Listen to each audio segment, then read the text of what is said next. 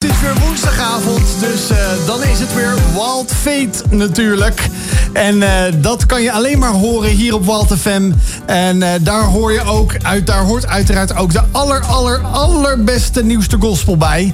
Nou, en vanavond is zo'n avond, want ja, we gaan een primeur horen hier op de FM-zender Wild Fate. In de grote Randstad gaan we zo meteen eventjes na de introductie en na de opening van deze fantastische avond die we tegemoet gaan. Dan gaan we weer een fantastische DJ bellen. Die uh, misschien al wel hopelijk aan de, aan de, met zijn oor gekluisterd zit aan de buis, wou ik bijna zeggen. Nee, maar aan de speaker natuurlijk. Uh, bijna serieus. Dat, maar hij kan ook kijken, want hij kan via United 7 en de socials van van Wild uh, Fate en de Wild Foundation kun je live meekijken. Zou ik ook zeker doen, want uh, ja, zoals gewoonlijk heb ik de ene charmantste, best gedreste presentatrice links van mij zitten.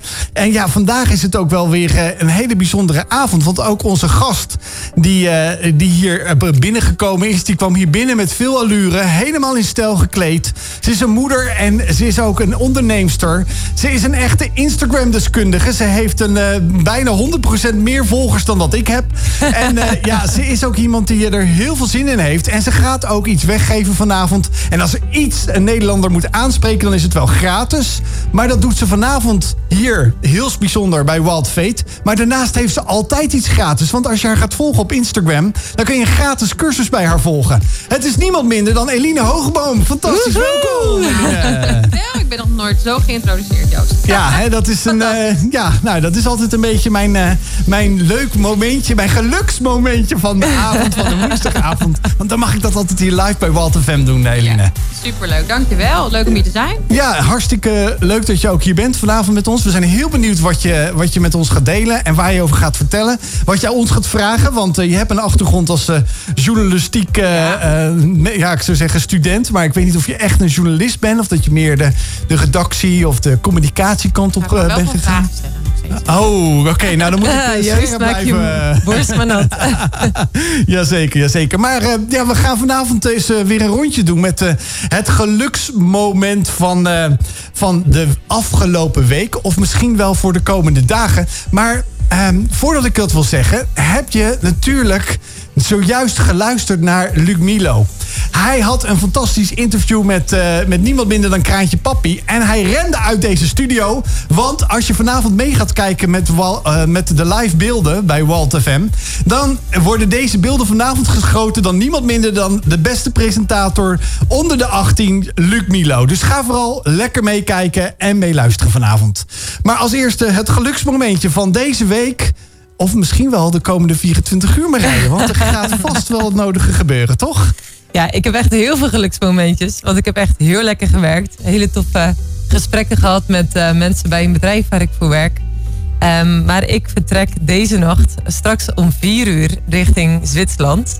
Oké. Okay. Uh, voor een fotoshoot. Kijk eens aan. Je hebt sommige mensen die geluk hebben om dat soort dingen zomaar te doen.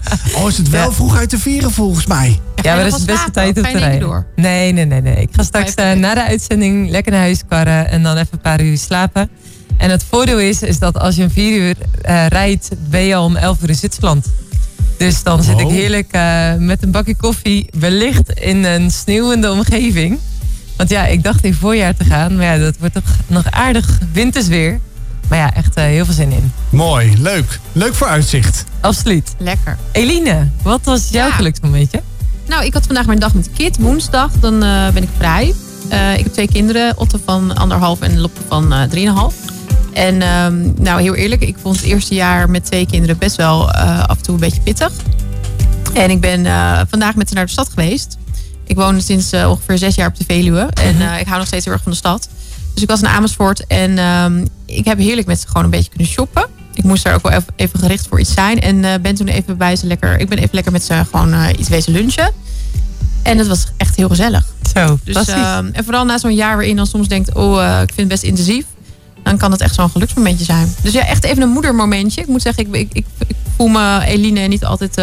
ik ben moeder, maar ik ben gewoon Eline. Maar ik heb echt genoten van mijn moeder zijn vandaag. Ja. Super mooi. Ja. ja, dat kan Joost vast niet beamen. Nou, ik geniet ook van mijn vader zijn hoor. Ja. Van mijn dochters. Ja, ja. Nou, ik had uh, zo'n geluksmomentje, of eigenlijk uh, ja, zo mooi iets. Uh, ik heb ondertussen aardig wat neefjes en nichtjes. Dat had ik de vorige keer over mm -hmm. verteld. Dat ik met z'n allen. pretpark geweest? Ben ik met z'n allen naar de pretpark. Maar dat was niet iedereen. Want het jongste neefje, Luc, die is afgelopen zaterdag één geworden. En ik liep naar mijn zus toe, want die woont niet ver bij mij vandaan. En daar kan ik zelfs heen lopend heen. En het was zo'n mooie, strakke blauwe lucht. Dat ik denk van wauw, hoe blauw kan blauw wel niet zijn, joh. Wat is bijzonder mooi dat we eigenlijk in een relatief vredelijke, vredige omgeving hier wonen. Want het speelde ook even in die wandeling door me heen van... Uh, ja, nu kunnen zomaar de bommen ongeveer een paar duizend kilometer verderop vallen. En zo heftig is deze wereld ook wel weer. En dan ben ik blij dat, dat ik dus veilig ook dat kleine stukje kan wandelen... zonder uh, het hoeven na te denken van wat er allemaal niet om je heen kan gebeuren. Dus dat was voor mij een mooi geluksmomentje deze week. En wat nu als de luisteraar een geluksmomentje wil delen? Nou, dan kan dat altijd natuurlijk via de socials van Walter Van, maar ook uh, via de WhatsApp. Want uh, ja, deze week eh, kan je via die story kan je een fantastisch leuk boek winnen. Wat Eline vanavond aan de winnaar wil geven. En dat kan je doen door naar de story te gaan. Of even live hier naar de studio te appen naar 063939 2050. En ik heb al vaker tegen je mensen gezegd: zet dat nummer nou vast in je lijn. Maar deze keer hebben we het je makkelijk gemaakt, want er zit een linkje in die story. En dan kan je gelijk hier een berichtje heen sturen dat je zegt: ja, ik wil dat boek. Je hoeft er eens, niet eens wat voor te doen. Gratis, gaaf boek wordt naar je opgestuurd. Je hoeft geen verzendkosten te betalen. Wat wil je nog meer? Ja, als je nou wil weten, waar gaat het boek over? Blijf dan luisteren dan hoor je straks meer. Het is weer woensdagavond, dus je hoort alleen maar de aller, allerbeste gospel natuurlijk hier op onze zender. En uh, ja, we hebben gezegd uh, van uitstel komt gelukkig geen afstel. Want ja, ik heb vorige week eigenlijk beloofd, en dat heb ik ook gezegd, maar ik ben heel benieuwd of dat hij heeft meegeluisterd. Want ik heb de beste man die we eigenlijk zouden inbellen, de one and only DJ Retain, die hadden we vorige week eigenlijk aan de lijn willen hebben. Maar toen lag hij ziek op bed. Hoe gaat het nu met je, Peter? Nou, ik ben nu uh, weer gelukkig hersteld, dus het gaat nu weer goed met me. Oh, Dankjewel. Kijk, het was, uh, was het een griepje? Was het uh, gewoon eventjes... je was er eventjes tussenuit. Wat was er aan de hand? Was het ernstig? Ja, een, een griepje. En ik moet zeggen dat heel veel mensen in mijn omgeving momenteel ziek zijn. Ik hoor het wel meer. Dus ja, ik had het ook even te pakken. Oké, maar je bent weer up en running? Ja, zeker. Mooi, gelukkig maar. Want uh, ja, dat heb je wel nodig als je een, uh, een uh, leuke dag wil hebben natuurlijk. Klopt, zeker maar. En heb je nog wat leuks gedaan vandaag? Heb je nog een beetje gesleuteld aan wat nieuwe muziek? Dat ben ik nu aan het doen. verder heb ik vandaag gewerkt bij een, een reclamebureau. En ja, ik zit nu muziek te maken. Oké, nou dan is er misschien deze avond nog wel heel interessant voor je. Want je kunt een heel leuk boek winnen van Eline. En uh, ze, oh, ze, heeft het ook over, uh, over uh, Instagram. En ik weet niet hoe actief jij bent op Instagram. Ik nog niet zo heel erg, maar allicht ben jij veel actiever. Ja, een beetje. Het, het, het kan beter. Oké, en kunnen mensen jou ook als DJ Retain ook volgen op de socials? Ja. Dat is at RetainDJ. Oké, okay, at RetainDJ Instagram. Ga nu allemaal eventjes op die mobiel die je in je hand hebt... als je luistert hier naar Walter FM eventjes hem volgen. Want dit is namelijk wel een Heel gaaf uh, aanstormend talent. Want hij uh, heeft waanzinnig gave dingen eh, gemaakt. samen met DJ's die wij hier ook veel draaien. De, de gospel dance die, die hier gedraaid wordt op Wild Fate. En hij heeft nu een nieuw nummer gemaakt. En dat nummer dat heet Happy Day. Nou, misschien ken je wel als ja, gospel liefhebber of niet. Dat is een beetje zo'n klassiek nummer waar ik altijd aan denk aan een soort van black gospel choir. Wat ik dan zie zingen. Happy Day. Maar vertel eens eventjes, eh, Peter, hoe ben je erbij gekomen om Happy Day te remixen? Nou, dit, dit nummer van uh, origineel van Tim Hughes, die, uh, ja, die altijd in de kerk of op uh, christelijke evenementen, als die werd gespeeld door een band, dan ging het altijd los in de zaal. Dus het was eigenlijk zo'n nummer, het was een klassiekertje en je wist als, als die gedaan wordt, dan gaat iedereen springen. En het leek me eigenlijk heel leuk om daar een, uh, een dance remix anno uh, eh, 2022 van te maken. Dus uh, ja, zodoende heb ik dat gedaan. Samen met een vocalist, Wietse ervoor. En ja, het is echt een ander jasje is het nummer gegaan. Echt een, een danceplaat is het geworden. Ja. En um, hoe kom je dan bij zo'n proces? Je gaat ook zo'n Tim, Tim Hughes, ga je dan mailen en dan zeg je mag ik je nummer gebruiken of is dat niet nodig? Dat was in dit geval niet nodig, maar dat, uh, de rechten, dat hebben we goed geregeld. Maar ja, ik ga hem zeker nog mailen en kijken of dat hij ja, reageert. En toevallig was wel leuk, ik kreeg een verzoek van iemand uit Oostenrijk die het in zijn kerk ook wil gaan spelen. Tijdens een worship service. Dus dan gaan ze deze versie van Happy Day gaan ze gebruiken. Dus dat is natuurlijk wel heel erg leuk. Ja, nou, heel gaaf dat, uh, dat dit ook een beetje zo in één keer zo internationaal kan gaan. Uh, even nog een uh, laatste vraag voordat jij als natuurlijk producent en DJ je eigen nummer kan gaan aankondigen. de, de wereld gaat weer open. de, de regeltjes zijn weer weg. Ik weet dat jij ook op grote feesten en partijen altijd graag je nummers die je. ja, zo zeggen, produceert en graag wil draaien. Is die wereld ook voor jou weer een beetje aan het openen? Dat je weer wat shows kunt gaan draaien? Ja, die wereld is natuurlijk wel geopend. Uh, zelf heb ik nog niet zoveel staan. Dat komt ook omdat ik eigenlijk heel erg aan het focussen ben op het uitbrengen van nieuwe muziek en het produceren. En uh, ja, als dat aan het groeien is, dan gaan uh, die live evenementen gaan natuurlijk vanzelf komen. Dus ik ben eigenlijk druk bezig om mijn repertoire aan, te, ja, aan het opbouwen. Ja, dus los van Retain DJ op Instagram om jou te volgen, heb je dan ook nog een website waar mensen mogelijk shows van jou kunnen gaan bijwonen? Uh, nee, ik heb nog geen website, dus ze kunnen alles op Instagram vinden. Kijk, nou, dus dan des te meer de reden om uh, deze fantastische DJ en uh, producent te gaan volgen. Ja, en dan, schijnt, dan is helaas voor nu eventjes deze nou ja, stukje van het geheel is ten einde. Maar dat beëindigen we niet anders dan jou te laten aankondigen de fantastische track die jij uh, als een van de laatste hebt gelanceerd. Uh, hier op Wild FM, op Wild Fate, als uh, première hier te horen. Dus ik zou zeggen, laat jezelf horen. Yes, dit is de remix van Happy Day van Retain. Elke woensdagavond hoor je de laatste gospelhits op Wild FM.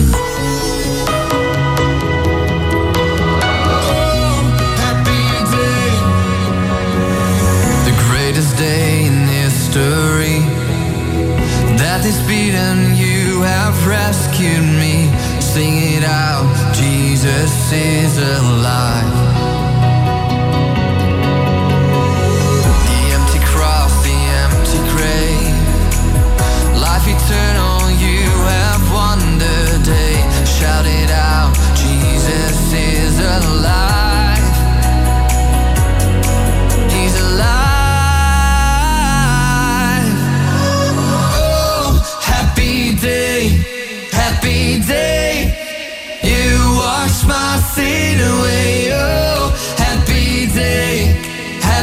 happy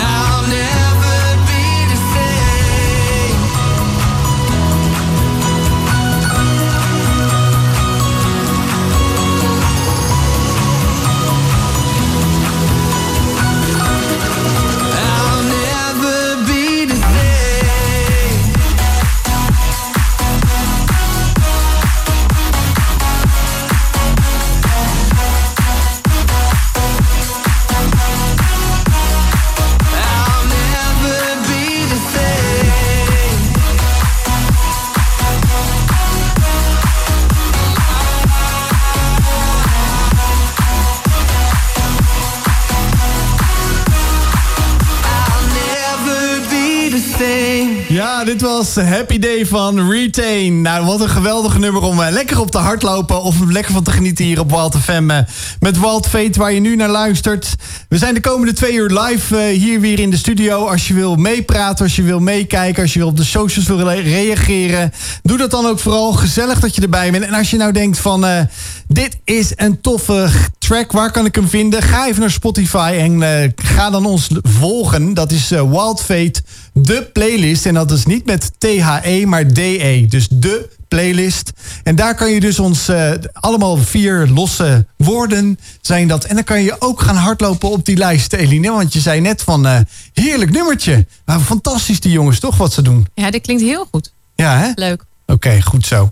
Maar we hebben er weer zin in vanavond, Eline. Jij bent geïntroduceerd. Mij kennen dus de luisteraars al lang. Eh, Marije volgens mij ook. Maar de, ja, dan weten ze ook wel een beetje van... Uh, wij willen ook graag weten wie Eline is. Uh, los van uh, iemand die graag ja, heerlijk geniet van de kinderen. Anderhalf, drieënhalf. Dat is zijn aardige handenbindertjes bijna, zou ik zeggen. Zeker. Ja. ja. ja, maar je, hebt, ehm, je bent hier gekomen met een mooi, mooi boek wat je in, je in de lucht hield. Maar hoe ben je zover gekomen eigenlijk überhaupt om een boek te schrijven? Ja, überhaupt om te schrijven. Nou, schrijven doe ik al wel bijna mijn hele leven, sinds ik kan schrijven. Um, ik heb ook vroeger een boekje van uh, Nijntje, heb je ook een boekje De Schrijver. Dat, dat heb ik ooit van mijn moeder al gekregen, dus dat, dat zat er altijd al in. Um, en nog, ik heb in journalistiek gestudeerd, dus dat, dat, ja, mijn studiekeuze, alles was daar een beetje wel op gericht. Uh, maar dat ik een boek ging schrijven, uh, ja, dat, dat, dat was iets wat uh, ontstond eigenlijk. Kijk, heel kort, ik heb ehm, tien jaar geleden Huis van Bellen opgericht. Dat is een online community voor tienermeiden. En daar brachten we van alles uit. Dus schoolagenda's, boeken. Dus ik had al contacten met een uitgever. Um, en op een gegeven moment zei ik van nou, ik, ik heb nu echt iets. Ik heb het gevoel dat ik hierover moet schrijven. En dat had alles, te maken met dat ik in mijn team, dus bij Huis van Bellen had ik veel twintigers. En dat ik daar van alles zag gebeuren. Vooral veel uh, vrouwen, en maar ook in mijn eigen leven. Dus dat was een uh, jaar, ja, vijf, zes jaar geleden heb ik, uh, dat ik daarmee kwam. Um, ja, het heet Not So Perfect. En dat heeft eigenlijk alles te maken met dat ik zelf best wel tegenaan liep. Dat ik eigenlijk best wel perfecte plaatjes in mijn hoofd had. En eigenlijk een beetje vastliep in die plaatjes. Want ja, wat is perfect? Niks gaat eigenlijk perfect in je leven. Nou ja, misschien sommige dingen, maar heel veel niet. Um, en daar liep ik tegenaan vooral het eerste jaar van mijn huwelijk. Dat is nu dus ongeveer zes jaar geleden. Um, en ik dacht, ja, daar, um, die zoektocht uiteindelijk. Kijk, ik ben niet iemand die heel erg zegt... oh, ik heb nou allemaal antwoorden en dit is een boek, uh, alsjeblieft, uh, ik heb het. Ik heb het gevonden. Maar ik beschrijf liever mijn eigen zoektocht... en he, hoop dat daar ook mensen dan iets aan hebben. Dus dat, dat is eigenlijk in dat boek uh, gekomen. En kun je ons dus meenemen in die zoektocht ja. van Not So Perfect? En Not So Perfect. Nou, ik vond het leuk, Joost, jij introduceerde mij net. Hè, en dan omschrijf je natuurlijk iemand met allerlei rollen eigenlijk. Hè. Zo doen we dat vaak. Als je, uh, ik was laatst nog met iets met allemaal mannen. En toen viel het mij ook op. Ze zeggen dan, ja, ik ben die en die. Ik heb dit bedrijf. Of uh, ik ben vader. Viel mij wel op. Ik dacht altijd dat vrouwen dat heel erg doen. Van ik ben moeder. Maar het viel mij op dat vaders dat net te goed doen. Dus je omschrijft jezelf heel erg aan de hand van... Ja, uh, soms meer van wat je doet of wat je rol is... dan eigenlijk van wie je nou echt bent. En uh, ik merkte, en nog steeds merk ik dat, wij leven gewoon heel erg in een maatschappij die ja, heel erg gericht is op doen, op succes, ook heel erg op presteren, uh, op aantal volgers op Instagram, hè, dat soort dingen. Uh, wij kijken daar gewoon heel erg naar, naar nummers, naar cijfers, naar succes. Wordt ook de hele tijd verteld. Als je maar hard genoeg je best doet, als, jij maar, je, als je ergens van droomt, je kunt het worden, de sky is hè, zo, zo hoog als je wilt. Ja, maar in het echt leven loop je er soms tegenaan, of heel vaak, dat dat helemaal niet zo werkt. Dat ten eerste ja, het helemaal niet altijd lukt wat jij voor ogen hebt. En ten tweede dat uh, ja, er soms wel eens een beetje een, een disbalans kan ontstaan tussen al die rollen die je hebt en tussen hoe je je misschien eigenlijk wel voelt. Dus heel concreet, um, ik ging trouwen. Lang, lang single geweest en um, toen ontmoette ik uh, Johannes, mijn man. En na een aantal jaar gingen wij trouwen. En um, toen was het daar het eerste jaar. Toen waren we verhuisd van de stad naar de Veluwe. In een heel ja, idyllisch boerderijtje op zich hoor. Was heel, uh, heel idyllisch. Een mooi wit boerderijtje. Ja, dat is al een behoorlijke verandering. Hele grote verandering. Ja. Ik ging van 20 hoog midden in de stad ging ik naar dat boerderijtje. Wat natuurlijk super leuk was. Uh, maar ja, de praktijk was dat wij bijvoorbeeld op zondagen in kerk, wel eens naar de kerk gingen. En dan ja, uh, kwamen we weer thuis. En dan zaten wij daar samen als stel in dat leuke boerderijtje. Uh, en dan zag ik op Instagram mensen met lange tafels, lekker barbecuen. En ja, wij hadden dat nog helemaal niet. Wij hadden niet nieuwe mensen in. Weet je wel, wij, wij voelden ons gewoon, vooral ik dan wel. Hey, Johannes is altijd wat nuchterder. Die heeft al zoiets van, komt wel. Uh, Maar ik wilde dat allemaal heel graag gefixt hebben. Ik wilde graag zo snel mogelijk die lange tafels met een barbecue. ik wilde graag een hele goede vrouw zijn voor Johannes. dat de afwas dan gedaan was als hij thuis kwam. Dat soort ouderwetse ideeën hield ik er toch ergens diep van binnen wel op na. Ben heel feministisch, maar toch. Ehm, ja, ik, ik liep tegen allemaal plaatjes aan die ik had. Over het huwelijk, over mezelf. Uh, ook qua werk liep ik toen best wel een beetje vast. Dat vond ik ook eh, erg dan. Waarom loop ik nou weer vast? Ik, verwijt, ik verweet mezelf best wel veel. Ja, daar liep ik eigenlijk in vast. Ik was na een half jaar helemaal, uh, ja, hoe zou ik het zeggen? Overstuur. Mhm. Kun je wel zeggen. Want, want je dacht, hè, als ik die perfecte plaatjes maar bereik, dan... Ja, nou, ik, ik liep dus inderdaad daar tegenaan van, ja, wat heb ik nou toch voor hoge lat eigenlijk? En dan nam ik mezelf ook weer een soort kwalijk. Dus ik werd ook weer een soort boos op mezelf vanwege het proces. Um, ja, dus inderdaad, als ik dan niet dit zou doen, zou ik Johannes dan tegen. Uiteindelijk zit daar natuurlijk heel erg vaak achter dat je toch bang bent om ja, door de man te vallen, tegen te vallen. Dat je zelf denkt, ik ben niet goed genoeg. Um, ja, daar kan natuurlijk van alles onder zitten. Kijk, en mijn ervaring is ook, ook met, met vrouwen met wie ik veel werk, dat vrijwel iedereen wel iets van een, een ervaring heeft. En dat kan van heel groot zijn tot wat kleiner. Maar er is ooit altijd wel een keer tegen je gezegd dat jij er niet toe doet. Of uh, nou, ik zat laatst met iemand die moest ik voorbereiden op een speech die zij ging geven. Um, en zij zei, ja, ik heb ooit een keer een spreekbeurt gegeven op de basisschool. En toen fluisterde iemand zo achter mij dat ik zo naar voren liep. Oh, daar gaat zij weer hoor. Tuurlijk gaat zij weer voor aanstaan. En nu was het 30 jaar verder. En, dan hoorden ze dat nog steeds. Dat stemmetje, ja. En nou, zulke stemmen heb ik zelf ook. Um, dus ik denk dat we allemaal meer of mindere mate wel iets van zo'n nare stem hebben. Die je op een of andere manier tegenhoudt. Um, en soms ja, dus tegenhoudt om uiteindelijk dat perfecte te bereiken. Maar de vraag is dus ook, ja, je wil dat perfecte uiteindelijk helemaal niet bereiken. Kijk, dat is toch wel een van de antwoorden die ik toch wel heb gevonden. Laten we alsjeblieft het niet perfecte meer omarmen. Want ja, ons leven gaat niet altijd over rozen gewoon. Ik ben ook wel benieuwd of dat dit echt een vrouwending is. Of dat mannen hier ook uh, mee te maken hebben. Nu zit natuurlijk een man uh, hier aan tafel. Joost, heb je ook uh, last? Of heb je ook, herken je dat plaatjes? Ik ik ga met hem. ja, je, komt uit de, je hebt natuurlijk thuis al alleen maar vrouwen. Ja, ik kom uit... Uh, dus dus ja, mij, mij, viel heel erg al eventjes op toen Eline dit uh, zat te vertellen. Dat mijn jongste dochter, die zit dan ook op Instagram. En dan zegt ze, ja, ik ga voor de 100 likes. Uh, wie helpt me mee met die 100 likes, weet je wel? En dan denk ik, oh, waarom is dat nodig? Maar ik, ik ben niet zozeer de... de ik, ik, ik, dat ik zeg, ik sta niet, aan de ene kant, ik sta niet in de picture, want daarom zit ik achter een microfoon bij een radio. Maar ik heb door, door mijn verleden, en dat is um, ja, een beetje gewoon um, door mijn vader die bepaalde internationale uh, ja, uh, dingen bereikt had. En die zat ook gewoon uh, echt in de, in de, ja, in de, de, grote CEO de, van echt grote bedrijven in Nederland en verder buiten. En ja, ik deed een opleiding en ik had een stageplaats nodig. En ik zocht echt niet per se iets bij mijn vader in het bedrijf. Maar ja, het kwam zo dat ik dus een stage kon gaan lopen op, de, op, op, voor, op een vervolgopleiding. Ja, en ik zat daar dus gewoon. Ik denk, ja, weet je, ik ben wel de vader van, maar ik ga dat niet. Uh, mijn vader is die persoon, maar ik ben de zoon van. Maar ik ga dat helemaal niet zeggen. Dus ja, toen zegt iemand, ja, weet je, ja, Joost. Ja, leuk hoe heet je met je achternaam, ja, Bastiaans. En je zag hem echt zo kijken. Oh, ben je, is jouw vader uh, de. Ja, ik zeg ja, ik denk het wel. Ja, dat mijn vader is Paul Bastiaans. Oh. En in één keer werd er zo anders naar me gekeken. En dat is bij mij echt als een, even een impact gemaakt als, als eindtiener. Uh, midden, in het, midden in het leven, zou ik zeggen, studentenleven. Dat ik denk, ja, ik heb echt helemaal niks met status meer. En dat, en dat heb ik mezelf ook echt gezegd, nou ja, ik ga graag met mensen om.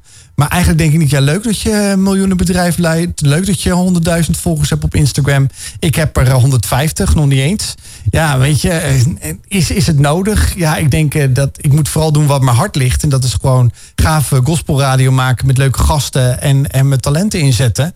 En ja, heel veel mensen kennen me wel. Uh, en die ken ik ook wel weer. Maar dan komt het vanzelf wel. En dan heb ik niet al die volgers voor nodig. Dan heb ik ook niet. Maar dan heb ik toch dat stemmetje, precies ook wat Eline zegt. Want dat is perfectie. Is eigenlijk dat wil ik dus niet. Mm. Dat ik wil dat dus niet volgen. Dus dan zeg ik, oh nee, nee, nee, oh nee. Dan gaan mensen zeggen, oh ja, maar jouw vader was toch die? En mijn vader doet nog steeds allerlei internationale dingen. Weliswaar is hij al lang met pensioen. Maar zeker in de zakenwereld uh, ja, heeft hij echt gewoon uh, veel dingen bereikt. En heel mooi. En dat heeft hij met, met passie gedaan. Maar mijn broer en ik, eh, want mijn broer heeft er ook last van gehad. Want die heeft ook stage gelopen. Ja, het kwam zo uit, weet je wel. en dan, ja, dan, komt dat, dan komt het een keer langs. En dan komt het stemmetje. Ja. Niet van, ja, oh, dan gaat ze weer naar voren.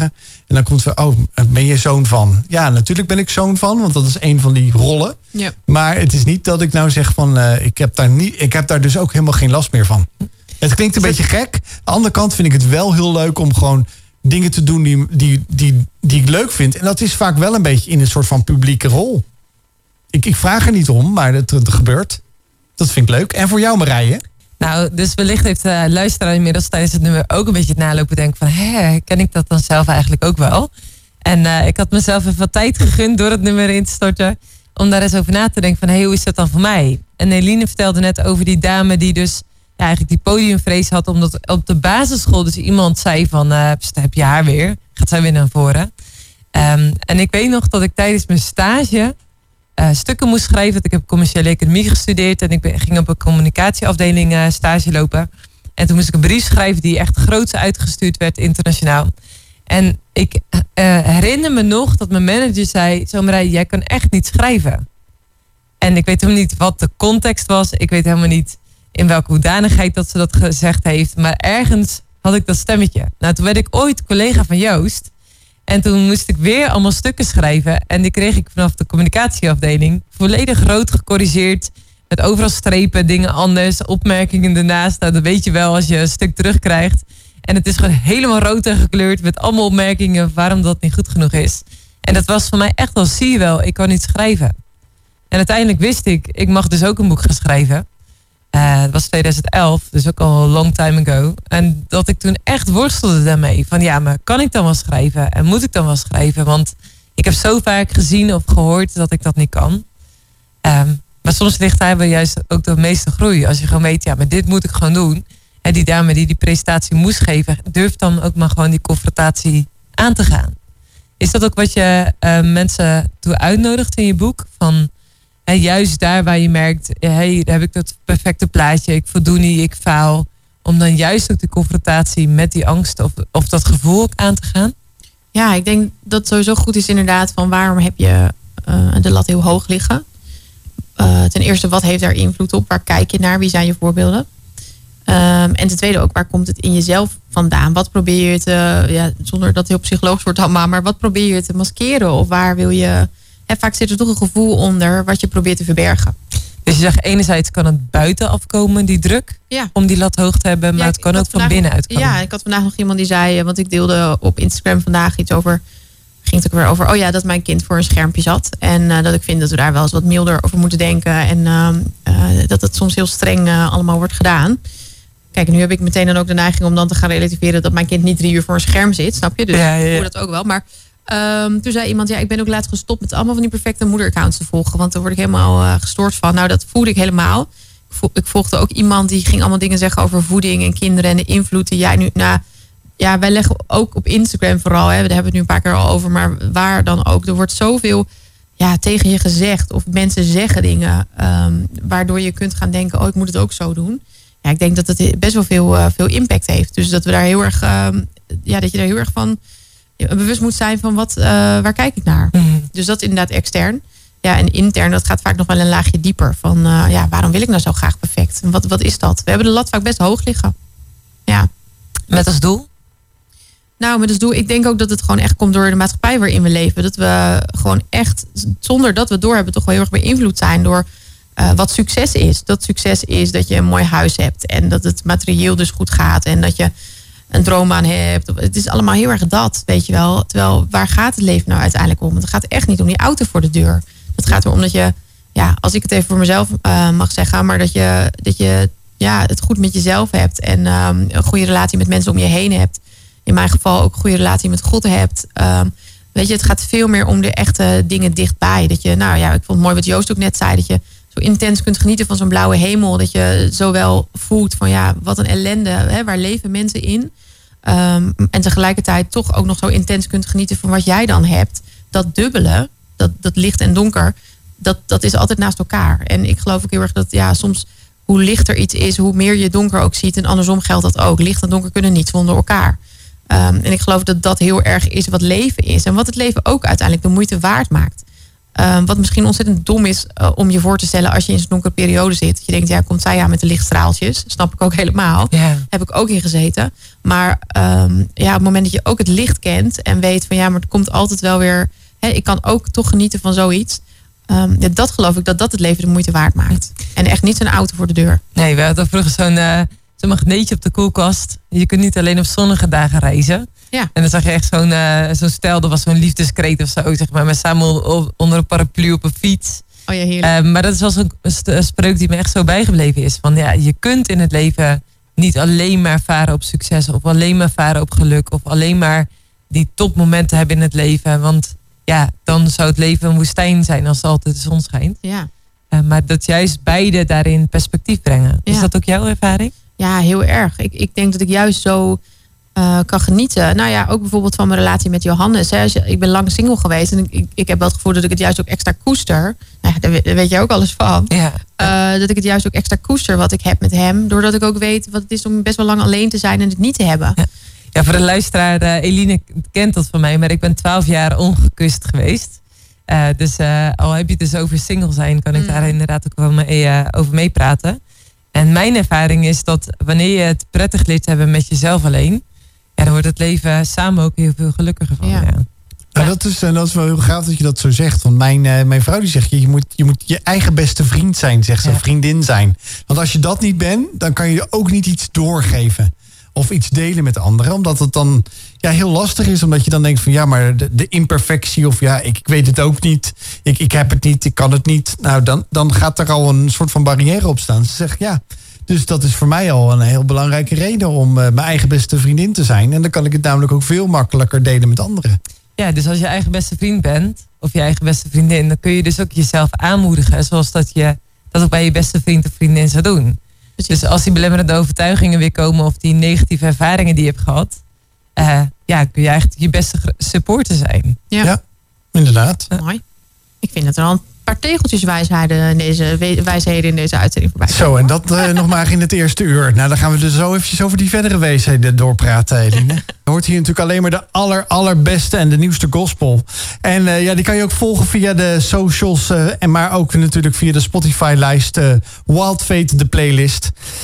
We waren voor uh, de muziek eventjes met elkaar in gesprek over, uh, ja, over eigenlijk van alles. En over misschien wel de imperfectie of de dingen die gewoon gebeuren. En toen uh, haalde ik aan, ja, je moet je eigen beste vriend zijn. En toen werd hier al gezegd van nou, die ga ik eventjes opschrijven als tegeltjesweesheid. Maar Eline had het eigenlijk ook tijdens, de, tijdens haar stukje wat ze vertelde over de relaties en haar relatie met God, dat ze zegt van dat vind ik belangrijk. Dat is een belangrijk deel van mijn leven, hè, in de dingen die ik koester. Uh, maar wat, wat is, wie is eigenlijk God uh, voor jou en waarom vind je die relatie zo belangrijk? Echt een hele grote vraag, Joost. Die je ja, stelt. maak hem even klein. Maar, nou, maar wie, wil, wie, is God voor wie je dan? Is God voor mij? Nou, ik, ik wil wel even doorgaan op dat wat jij zegt over dat de beste vriend van jezelf zijn. Dat vind ik echt heel erg mooi.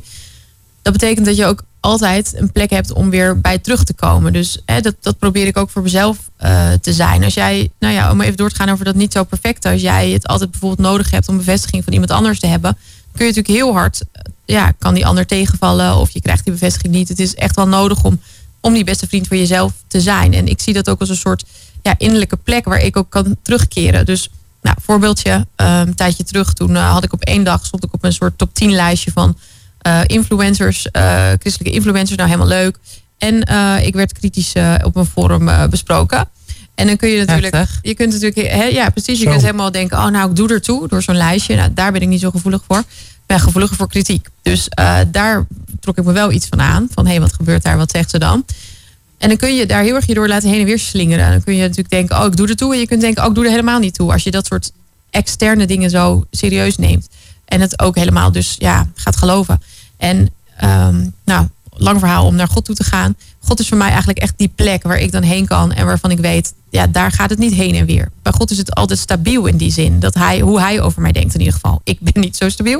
Um, vooral niet bepaalde periodes van de maand. Maar hij is altijd stabiel, snap je? Uh, en dat is voor mij uh, de plek waar ik dus altijd... Hij is in die zin mijn beste vriend voor mij. Om het maar even zo heel cheesy te zeggen. Maar is wel echt zo. En je kunt God op allerlei manieren zien als vader of als, als, als ja, wat dan ook. Maar ik zie hem dus echt als die plek waar ik altijd heen kan, waar het altijd stabiel is. Waar hij altijd zal zeggen, luister wat mensen ook over jou zeggen, wat jij ook over jezelf gelooft. Weet je, ik geloof maar één ding over jou en dat is dat ik het waard vind om in jou te geloven uh, en om van jou te houden.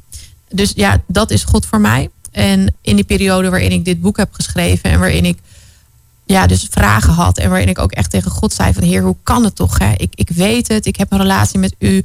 Maar toch heb ik het gevoel dat ik het nog steeds perfect moet doen. Dat ik het nog steeds moet presteren allemaal. Terwijl ik weet, dat hoeft niet. Als je in God gelooft, dan mag je weten, God heeft het voor jou gedaan. Um, die heeft al het werk al gedaan. Je hoeft niet meer te presteren. Hij houdt al van je. Ja, dus ik zei tegen hem, geloof ik er dan toch nog niet? Hè? Doe ik dan toch iets verkeerd? Dus eigenlijk weer de vraag, faal je dan? Doe je het dan niet goed genoeg? Ja, faal ik ook in mijn geloof eigenlijk. Hè?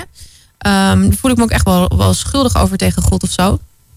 En, uh, maar ik had ook wel echt verdriet, omdat hè, bij mij komen deze dingen ook oh, nou, toch het moeilijk kunnen falen. Of het ja, soms het gevoel hebben niet goed genoeg te zijn. Dat komt bij mij ook echt wel voort uit pijn uit het verleden. En het deed me ook gewoon ergens weer verdriet dat dat ook om de zoveel tijd weer toch een beetje omhoog kwam. Ook dus aan het begin van mijn huwelijk. En dat had ook alles te maken met relaties. En, en toen heb ik echt een, een, ja, een beeld van God gekregen. En ik vind het altijd een beetje lastig om in beelden te spreken. Ik heb dat echt niet dagelijks of zo. Maar ik kreeg toen uh, het verhaal uit de Bijbel is een verhaal dat Jezus uh, is opgestaan uit de dood.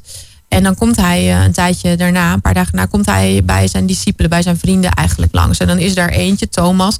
En die is een beetje tegen die anderen zo geweest van ja, uh, geloven jullie het nou echt? Weet je wel, ik moet het eerst nog maar eens zien dat hij weer is opgestaan. En dan is Jezus daar in hun midden, die is dus opgestaan. Nou ja, dat is natuurlijk een bizar wonder. Iemand die opstaat uit dood. Hè, dat is het grootste wonder wat je kunt ja, geloven dat er bestaat. En dan laat Jezus zijn handen zien. En in die handen zitten dan nog steeds de wonden van het kruis waaraan hij is geslagen om ja, te sterven. En dat beeld kwam ineens zo bij mij binnen dat ik dacht: oké, dus dit is iemand die heeft het grootste wonder ooit gedaan, namelijk uit de dood opstaan. Maar hij is niet perfect geworden daarna, want hij heeft nog steeds die wonden in zijn handen. Dat is het bewijs wat hij dus laat zien: van kijk, hallo, ik ben er, want ik ben die Jezus, want ik heb daar gehangen. Geloof het alsjeblieft. En voor mij kwam dat beeld toen zo ontzettend binnen dat Jezus dus zo'n groot wonder doet, maar zeker uh, niet perfect in die zin is. Zijn lichaam sowieso niet, maar dat hij dus heel goed weet wat gewond zijn inhoudt. En voor mij is dat dus ook heel erg wat God is in Jezus. Dat hij naast je staat en ontzettend goed weet, want hij heeft hier ook heel lang op aarde rondgelopen. Weet wat het leven inhoudt en wat het is om gebroken te zijn. Wat het weet om in oorlog, wat het is om in oorlog te leven. Wat het is, weet je, Jezus snapt de ellende van de wereld als geen ander. En dat is voor mij ook ja, gewoon een, een bizarre troost in een wereld waarin het soms in de fik lijkt te staan. Dat je weet, ja, maar Jezus heeft hier ook rondgelopen. Het is uiteindelijk ook niet de bedoeling dat de wereld zo is. Hij heeft het overwonnen. Maar tegelijkertijd zijn die wonderen er nog. Dus hij, hij voedt ons en de ellende als geen ander. Ben je stil van? Ja, echt bijzonder ook hoe je dat deelt. Gewoon hè, dat God zo persoonlijk ook tot je sprak. Maar dat je ook zo'n openbaring kreeg van. En zo, zo, dat, dat, je, dat het zo duidelijk aan je werd van wat, wat uh, imperfectie betekent. Juist ook in relatie tot jouw geloof met God. Ja. ja, en ik vind het altijd moeilijk om heel erg tussen beelden. Want ik hoor mensen zo vaak van, nee, God zei dit of dat. Of, um, en en ik geloof ook echt dat God spreekt ook tot mij. Maar ik wil de lat soms ook wel daarin een beetje laag leggen. Hè? Want ik weet dat mensen er ook wel eens een beetje dan... Uh, perfect plaatje van kunnen krijgen van oh, tot God, God spreekt wel tot haar, maar ik wil hem dan ook wel horen. God spreekt op heel veel manieren. Um, en echt niet dagelijks. Maar ja, dit, dit was zeker iets. Maar ook gewoon vanuit de Bijbel. Hè? Dus dat, dat wil ik ook altijd wel meegeven. Van God spreekt ook echt door zijn woord. Gewoon. Als je die Bijbelverhalen kent en weet. Dan spreekt het ook op die manier tot je. Ja. Uh, er komen straks zeker twee weer terug. Het schrijven van dit boek Not So Perfect heeft eigenlijk iets heel moois teweeggebracht. En daar gaan we straks na het journaal meer over horen. Welkom terug bij Wild Fate bij Wild FM. Wij zitten vanavond in de studio met Eline Hogeboom een enorm ondernemende vrouw die onder andere het boek Not So Perfect heeft geschreven. En zeg je nu van, ja, dat boek wil ik natuurlijk hebben. Want hoge lat, perfectionisme, angst om te falen, een soort van imposter syndroom, het gevoel door de man te kunnen vallen. Ja, daar heeft Eline dus een fantastisch boek over geschreven. En ze geeft er eentje cadeau. Dus ga naar de stories van onze social media kanalen. En uh, daar kun je op het linkje klikken. Vervolgens kom je gelijk in WhatsApp. En stuur ons een berichtje. Waarom wil je dit boek ontvangen? En zeg gewoon, ik wil dit boek ontvangen. En dan maak je kans.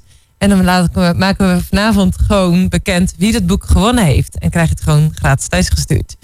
Heb je toffe reacties gekregen op je boek? Ja, op dit boek het meest. Want daarna zijn er nog een aantal boeken verschenen. Maar Not So Perfect blijft wel altijd Het boek waar ik nog steeds veel reactie op krijg. Ja, wordt ook nog steeds doorverkocht. En ja, mensen, ik heb wel vrouwen horen zeggen van dit boek heeft mij echt genezen, heeft de vrouw wel eens gezegd. Dat vond ik echt heel bijzonder. Wat bedoelde ze daarmee? Nou, ik, ik denk dat uh, we bedoelden van, en we hebben ook natuurlijk wel een gesprekje gehad. Ehm, nou, genezen door, denk ik, doordat ik zelf best wel beschrijf hoe mijn genezingsproces, om het maar even zo te zeggen, is gegaan. Dus ja, een beetje wat ik net beschrijf. Eigenlijk het door de pijn heen ook de mooie dingen gaan zien. Gaan zien wat je verhaal uh, ook soms als doel heeft. Als je nare dingen meemaakt, dat dat ook soms weer juist best wel iets kan betekenen later in je leven. Uh, maar ook uh, genezen, denk ik, toch van die hoge lat en van het perfecte plaatje. Ik denk dat elke luisteraar nu echt benieuwd is van... oké, wat is dat wat in jouw leven gebeurd is? Ja. wat ook zoveel moois teweeg heeft kunnen brengen. Ja. Ja, het is moeilijk om uh, kort te, te omschrijven hoor. Maar er zijn verschillende dingen in mijn leven gebeurd die, die impact hebben gehad. Een ervan is seksueel misbruik op vrij jonge leeftijd. Uh, maar ook bijvoorbeeld de scheiding van mijn ouders heeft veel impact gehad. ja, nou ja, goed, lekker al die trauma's op tafel. Maar dat zijn wel de grootste dingen die, die veel impact op mij hebben gehad. En met name ook misbruik grijpt vooral enorm in op je zelfbeeld. Op je gevoel van, van waarde zijn of eigenlijk waardeloos voelen. Um, ja, dat, dat heeft heel veel impact gehad. En uh, een scheiding uh, op welke leeftijd dan ook, ik was 17, um, heeft ook echt heel veel impact. Ja. Dus stel je voor dat nu iemand luistert en echt denkt, oh man, ik herken zoveel dingen in jouw verhaal. Wat zou je iemand adviseren?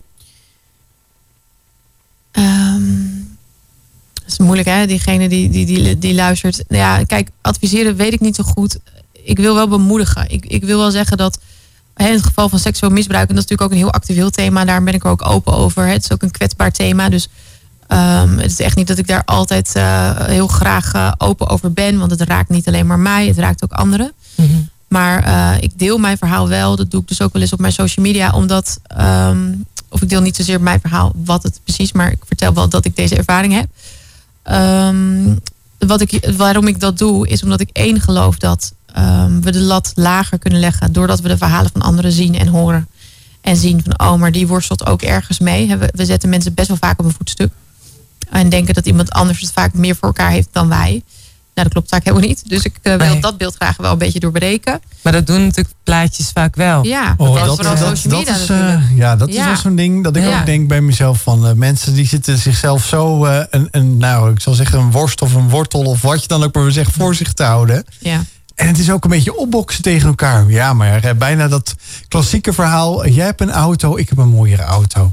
Jij hebt een huis, ik heb een groter huis. Jij hebt deze laptop, ik heb een nog betere laptop. Maar ten diepste, Joost, ligt het toch gewoon aan... als ik dan maar die grootste heb... of als ik dan de sterkste ben... of als ik de beste ben... dan ben ik iemand.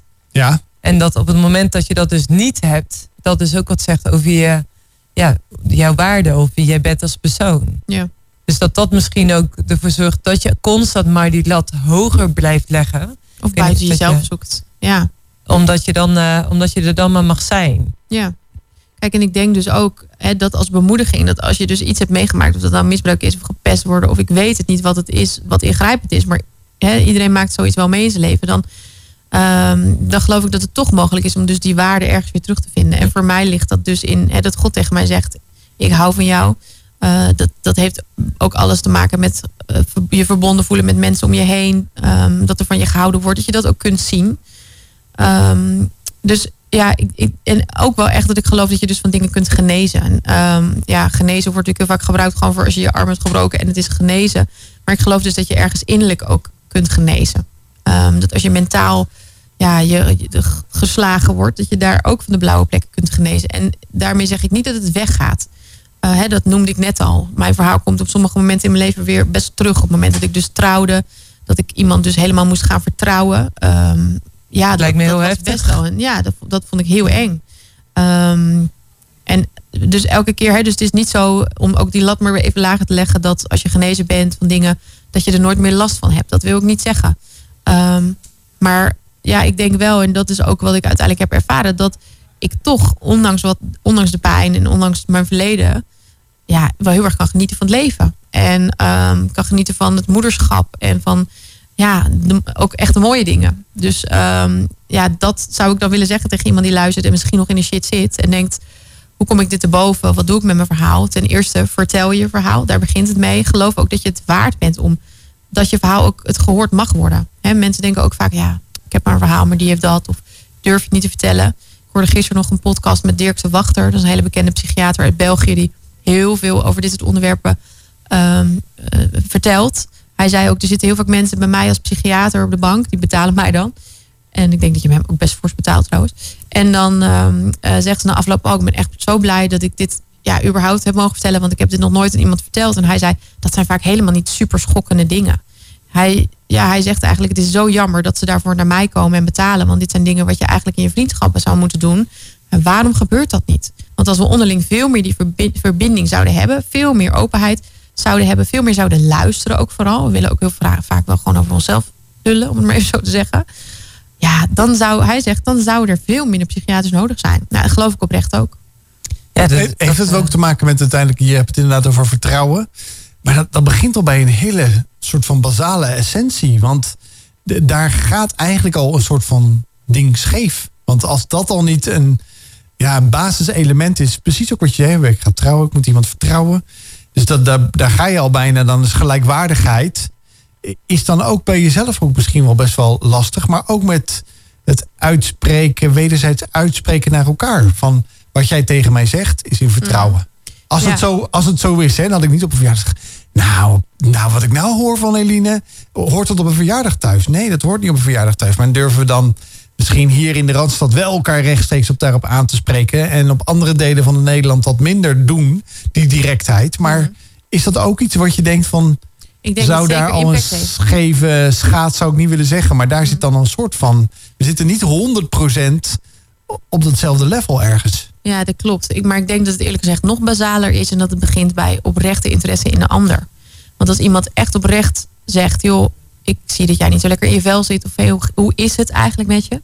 Ik weet nog wel dat dat hè, aan Meghan Markle werd gevraagd in een interview. De, de, de vrouw van Prins Harry. En dat ze eigenlijk helemaal volschoot en zei, nou je bent echt... En dat was dan een interviewer, een journalist. Dat ze gewoon helemaal volschoot van, nou je bent eigenlijk even de eerste die dat aan me vraagt. Hoe het nou echt met me gaat.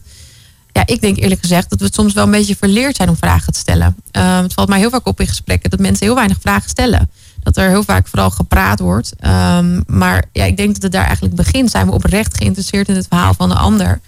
Uh, en als iemand zegt van nou, ik zou eigenlijk wel eens uh, erover willen praten. Ja, gaan we dat dan ook aan? Weet je wel, het heeft ook alles te maken met hoe druk zijn we. Hoe, hoeveel tijd nemen we voor de ander? Of, ja, daar begint het denk ik eerlijk gezegd. Want ik denk dat op het moment dat jij die oprechte interesse voelt van iemand, dan komt dat vertrouwen wel. Ik vind het wel bijzonder, want dit raakt heel erg wat jij dus ook vindt bij God. Een plek waar je mag zijn, uh, waar je volledige acceptatie is, waar je onvoorwaardelijke liefde ervaart, denk ik. Mhm. Is dat ook waarom dat het zo fijn is om bij God te zijn?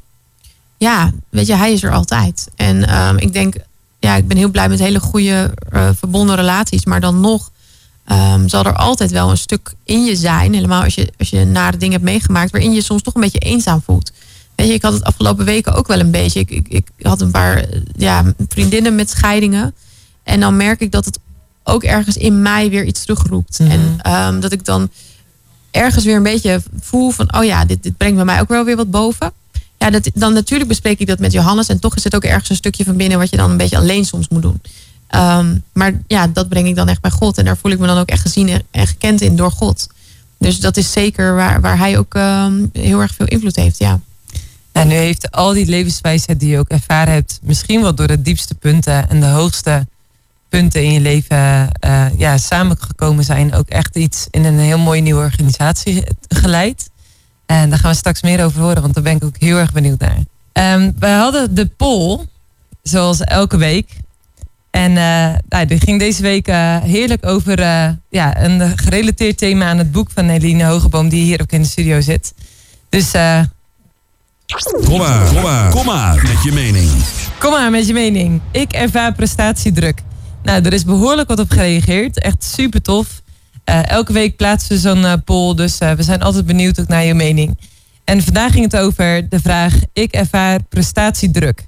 En 71% van de stemmers die zegt ja, ik ervaar prestatiedruk. En 29% ervaart het niet.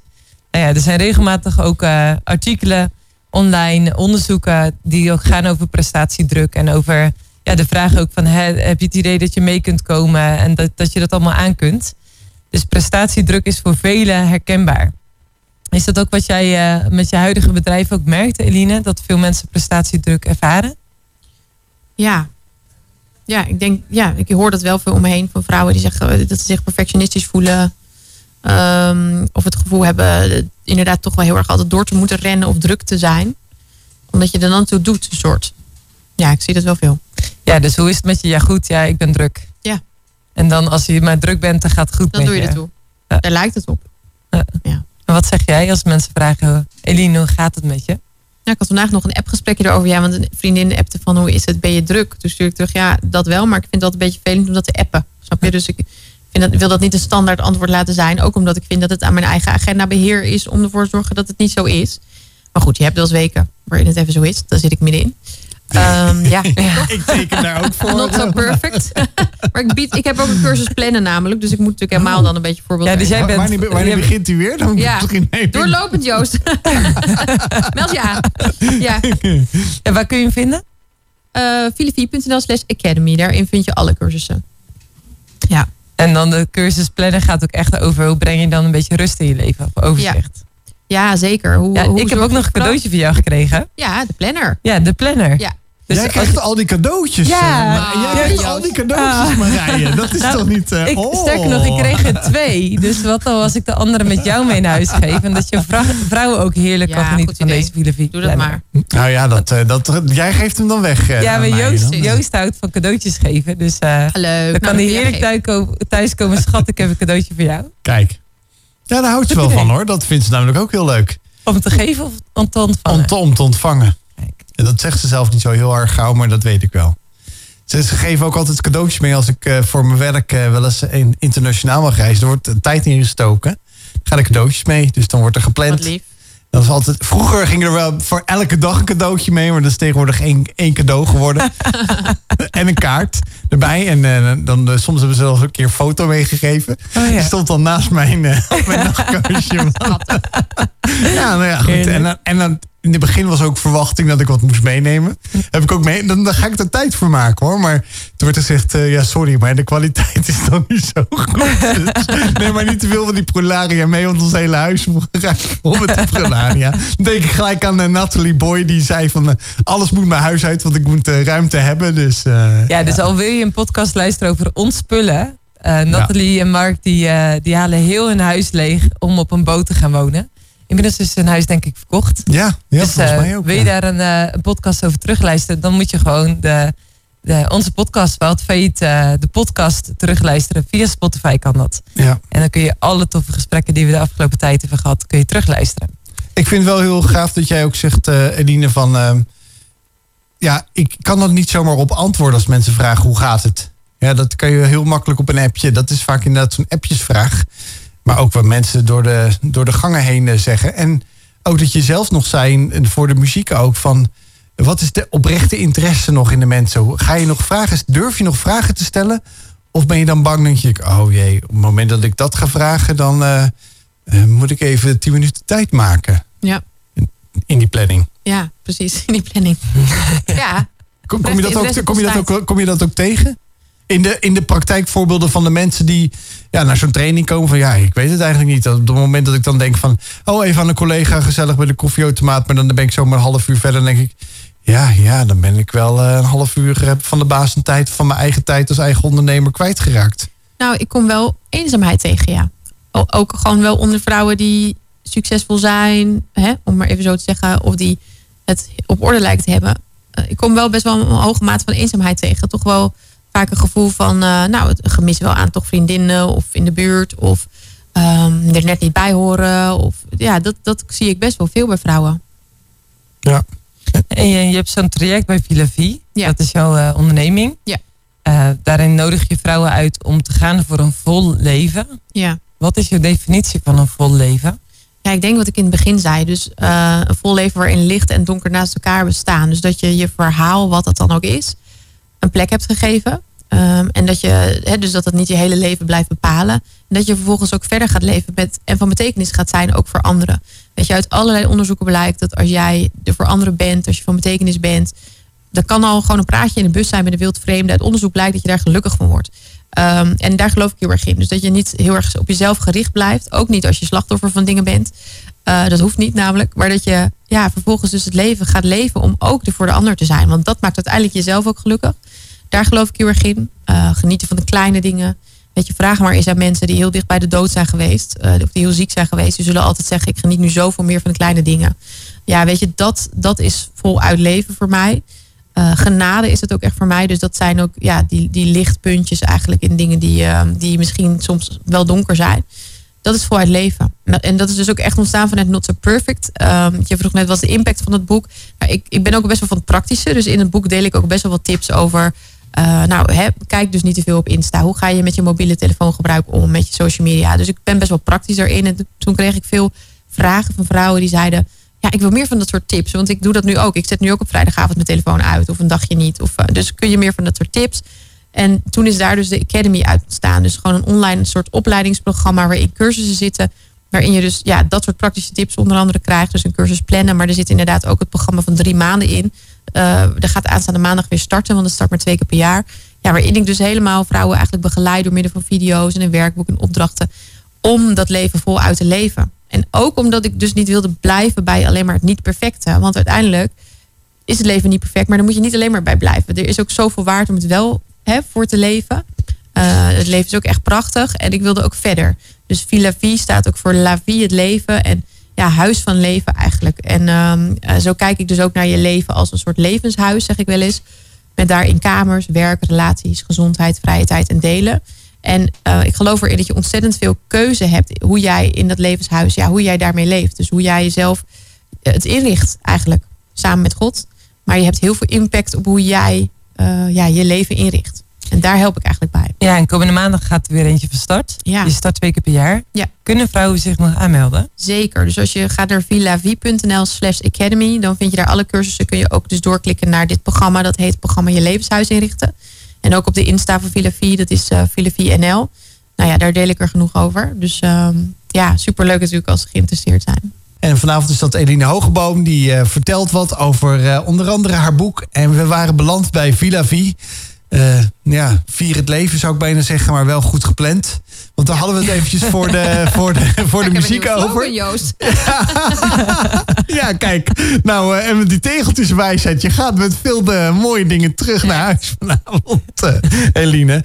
Uh, ik ben eigenlijk ook echt heel benieuwd. We hadden het natuurlijk ook echt wel over ja, de, de dingen van het leven, zaken, dingen. Uh, maar ook gewoon over dat uh, ja, God ook echt je beste vriend is.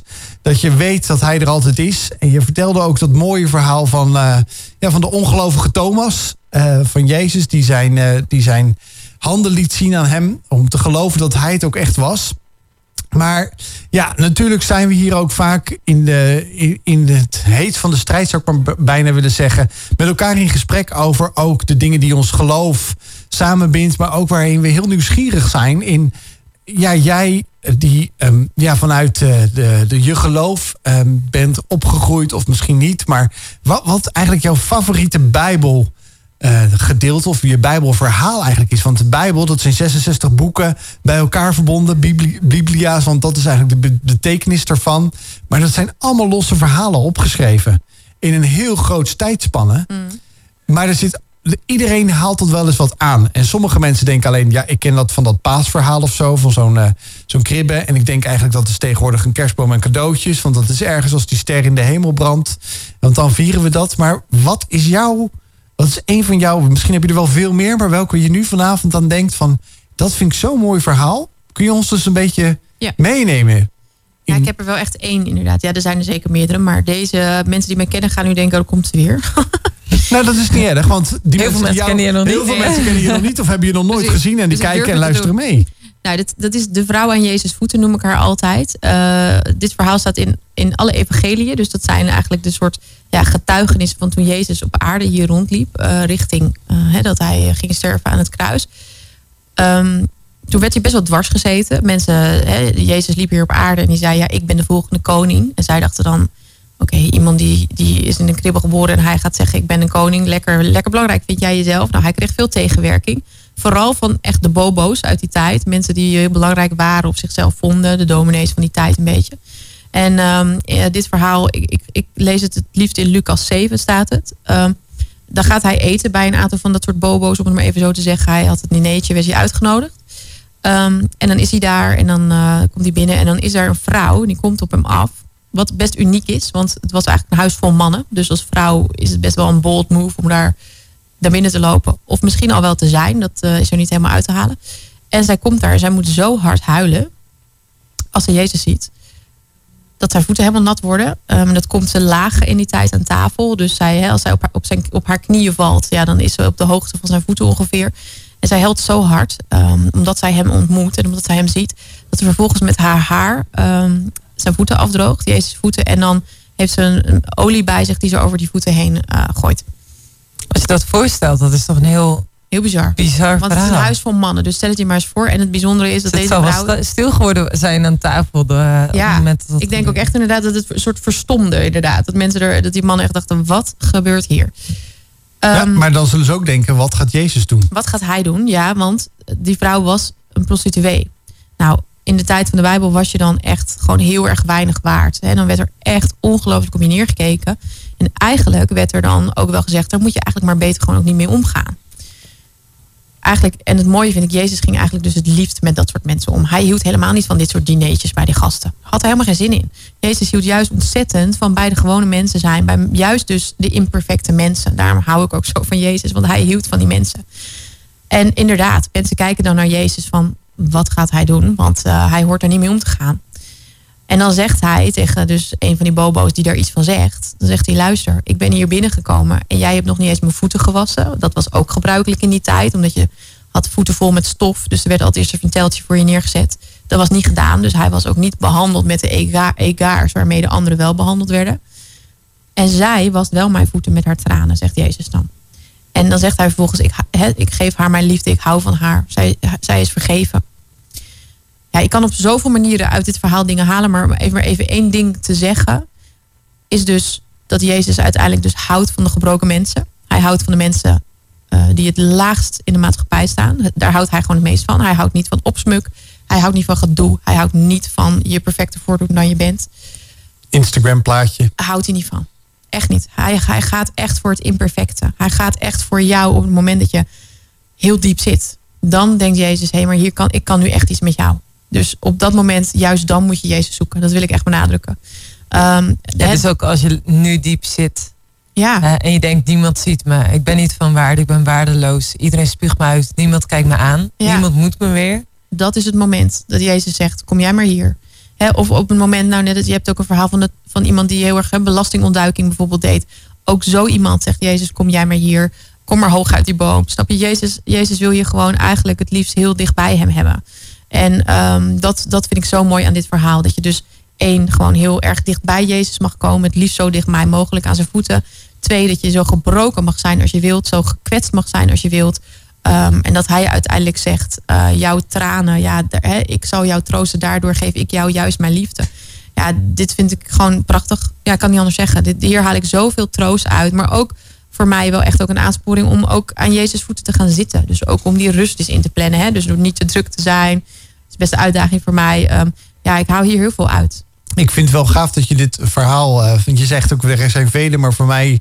De mensen die me kennen, die denken, oh, daar komt ze weer. Maar ik denk juist in de verhaal. Het verhaal wat je vanavond hier gedeeld hebt. En nog steeds deelt vanavond hier bij ons live bij Walt FM.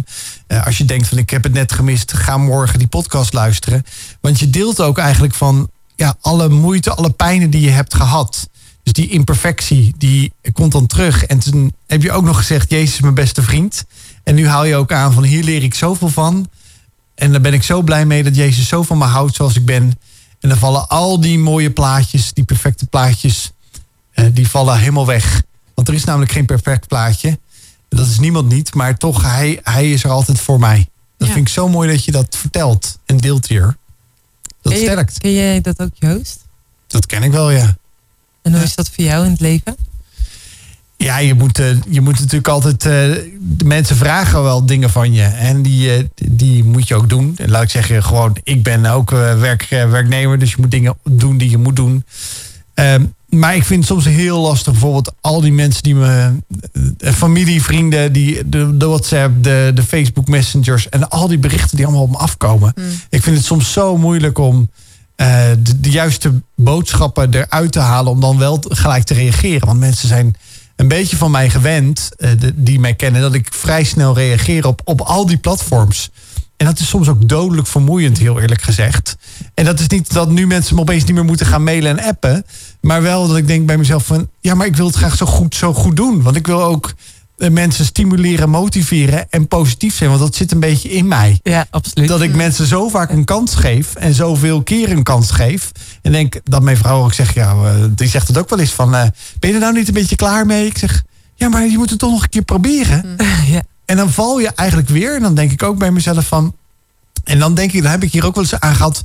Dan, dan zie ik ook echt een hand bijna uit de hemel reiken. En dan zegt Jezus weer: Jij bent ook weer gevallen. Want jij hebt ook weer wat gezegd. Of, of misschien niet gereageerd. Of misschien een beetje in die vermoeidheid. Niet helemaal het tactische antwoord gegeven. Hier is mijn hand. Pak hem en ik help je overeind. Want we gaan weer verder samen. Want ik hou van jou en ik zorg voor je. Maar dat zal misschien ook wel voor jou gelden, Marije. Ja, gewoon de, uh, de realisatie dat, dat. Ik vind het ook heel mooi wat Eline eerder al zei. Dat er altijd een plek is waar je thuis kunt komen. Uh, dat vind ik echt, echt heerlijk. Gewoon. Uh, um, maar wat ik heel erg herken aan wat jij zegt. Is, is de noodzaak. We zijn zo snel in deze maatschappij. Dat als iemand een mailtje stuurt, moet je eigenlijk meteen terugsturen. Ik heb dat wel eens dat ik dan zeg maar een mailtje heb ontvangen. heb ik nog niet gelezen, want ik heb expres geen werk meer op mijn telefoon. En vervolgens uh, word ik daarna gebeld of geappt door iemand van... Hey, heb je mijn mailtje gezien? En dat ik zeg, dan stuur ik ook gewoon terug... Ja, ik heb het gezien, maar ik kom later bij terug. Omdat ik echt, als geen ander weet... Ik heb echt veel tijd voor mezelf nodig. Ik ben veel buiten, veel hardlopen. Ik neem dan geen, niet de playlist mee van Wild Fate. Ook al vind ik hem heel tof. Omdat ik dan ook weet, ik heb ook die tijd nodig en die rust nodig... om in de vertraging te komen. Om alle indrukken en alle ideeën die ik heb daarin ook uh, te vinden. Maar ook wel wat wij noemen praten met God, wat bidden is. Uh, gewoon mijn hart, dat wegene wat me bezighoudt, ook met God te delen. En hem daarin ook te vragen van, Heer, als u bent al machtig, dan geloof ik echt, God overziet het. Die heeft het juiste perspectief, die heeft de helikopterview over mijn leven. En als het zo is, ja, dan mag ik toch juist ook bij hem zijn voor de rust, voor de wijsheid, voor de inzichten. Ja, en die ontvang ik dan wel heel vaak, zeg maar. Dat ik dan een idee heb en dat ik echt denk, ja, serieus, dat heb ik echt niet even zelf even goed bedacht. Maar dat er dan dus een God is die almachtig is, die zoveel inspiratie heeft, zoveel wijsheid geeft, zoveel rust geeft en zoveel inzicht. Ja, dat vind ik echt fantastisch. Nou, dan past dat nummer van Jeremy Camp, uh, When You Speak, fantastisch mooi bij. Net voor het nummer hadden we het over dat God een God is die almachtig is, die alles weet, die vanuit een groot perspectief naar het leven kijkt. En mocht je nou ergens wijsheid over nodig hebben, dan kun je dat God gewoon vragen. En ja, hoe krijg je dan antwoord? Dat is soms wel eens een moeilijke vraag. Want God spreekt op heel veel verschillende manieren. Bijvoorbeeld vanavond door onze woorden heen. Door iets wat je leest. Ga googlen op de Bijbel. Je kunt zelfs een, een gratis Bijbel aanvragen. Zeg je nu van, nou, ik weet niet hoe ik aan een Bijbel moet komen. Stuur dan een appje naar 06 3939 2050. 06 3939 2050. Ook als je het boek wil winnen van Eline Hogeboom, Not So Perfect, kun je ons een appje sturen.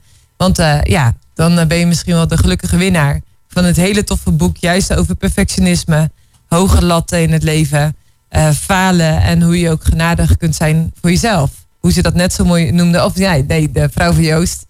Daar hebben we tegeltjeswijsheid van wees de beste vriend voor jezelf. Nu zei Joost aan het begin van de radio-uitzending, en ik ben echt wel benieuwd, dat Eline dus een gratis training heeft die je gewoon zo kunt volgen. Dus naast dat je een gratis boek kunt krijgen, maar ja, dat is maar voor één iemand, kan echt iedereen gewoon een gratis training volgen bij Eline. Elina, kun je eens vertellen, wat is dat voor training? Ja, nou, ik heb dus een online academy waarin verschillende trainingen zitten. En uh, de gratis training is de mini-cursus Vereenvoudig je leven. Um, Vereenvoudig je leven is een van de modules uit het grote programma. Omdat ik heel erg zie en ook zelf heb gemerkt dat als je probeert je leven wat te vereenvoudigen. Nou, bijvoorbeeld over wat Joost net zei, over die hoeveelheid appjes en uh, nou, prikkels die er op je afkomen. Als je dat niet ja, een beetje soms uh, in toom houdt of daar iets aan doet, ja, dan word je gewoon gek langzamerhand. Of je raakt burn-out of overspannen. Het is echt nodig om op verschillende gebieden van je leven... je leven wat eenvoudiger te maken. En dat gaat dus over wat je binnen laat komen op je telefoon. Hoe je, uh, ja, welke vriendschappen je onderhoudt. Hè. Je kunt er in een bepaalde fase van je leven geen 30 meer hebben. Maar hoe kies je dan? Oh, dat is echt het drama van alle studenten die na een student het werkende leven beginnen en echt merken, wow, ik houd dat niet allemaal vol. Dat is moeilijk hè? Ja. ja, en hoe maak je dan keuzes? En hoe doe je dat dan? Ehm, ja, geld, uh, ja, je huis ook gewoon letterlijk. Je plek waar je bent. Dus het gaat over allerlei facetten van je leven. En hoe maak je dat nou ietsje simpeler? Ehm, zodat je weer wat meer levensruimte, lucht overhoudt voor de dingen die echt belangrijk zijn.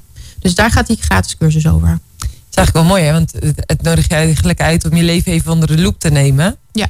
Van uh, hoe complex is mijn leven eigenlijk en hoe kan ik dat toch in stapjes wat makkelijker maken. Precies. En, en hoe, hoe, werkt dat dan precies, Edine? Je zegt het is een online, dus ik neem aan dat je dan naar uh, Villa Via. Ja, Villa Via. Villa naar villavie.nl slash academy.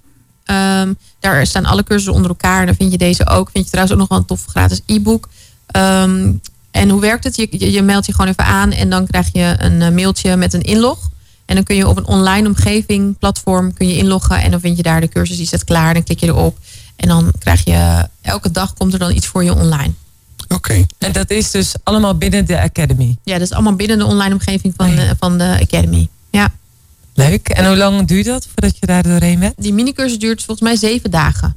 En uh, dus ik heb verschillende groottes. Deze duurt zeven dagen en dan heb je er de cursus plannen duurt dan een maandje. En je hebt een programma van drie maanden. Ja, dus je, voor elk wat wil, zeg maar. En wat, eh, wat leer je in, in een maand leren plannen? Ja, dan ga je eigenlijk ook, wat jij ook zegt, even kijken naar hoe staat het ervoor in mijn levenshuis. Hè? Dus hoe gaat het op het gebied van werk, relaties, gezondheid, vrije tijd delen? Hoe is de balans? Um, dus ik vraag ook in het begin om dat eens een week bij te houden. Waar besteed je nou het meeste tijd aan? Dat is vaak heel erg verhelderend voor mensen. Dan zijn ze vaak veel meer tijd bezig met iets waarvan ze dat helemaal niet doorhebben. Zoals? Ehm, social media, uh, werk. Um, dan komen ze erachter dat ze in hun vrije tijd wel vrije tijd hebben, maar nooit alleen zijn, bijvoorbeeld. Dat hmm. soort dingen. Terwijl alleen zijn is echt heel goed voor je. Um, ja, ik heb ooit gelezen dat vervelen het beste is om creatief te worden. Zeker, ja. Ja, maar ook gewoon dus letterlijk mensen met een gezin. Er zijn soms vrouwen die zijn nooit in hun eentje. Ja, hoe kun je dan zeg maar ja, jezelf, maar ook God horen spreken als je altijd andere stemmen om je heen hebt? Het werkt gewoon niet. Je hebt echt soms tijd nodig om even, even terug te trekken dus dat soort inzichten komen mensen dan vaak wel. En het gaat vaak wel over werk. Dus dat ze toch wel merken, oh, werk gaat vaak s'avonds nog door. Of uh, dat ze dat eigenlijk anders willen. Volgens mij deed je laatst iets met een challenge over heel vroeg uit je bed staan. Oh my dear, ik ben nog steeds moe. en, uh, met over dat momentje alleen, zeg maar. Met een jong gezin is het al zo druk en hectisch. maar, ik, ik, kan me namelijk voorstellen, een momentje alleen met dus een kind van de anderhalf en drieënhalf. Dan denk ik echt, ja, dat is dus op s'nachts of s'avonds heel laat. Zes uur. Ik ga ook ochtends om zes uur uit bed. Ik ook hoor, daar teken ik ook voor zes uur, altijd. Om zes uur in bed?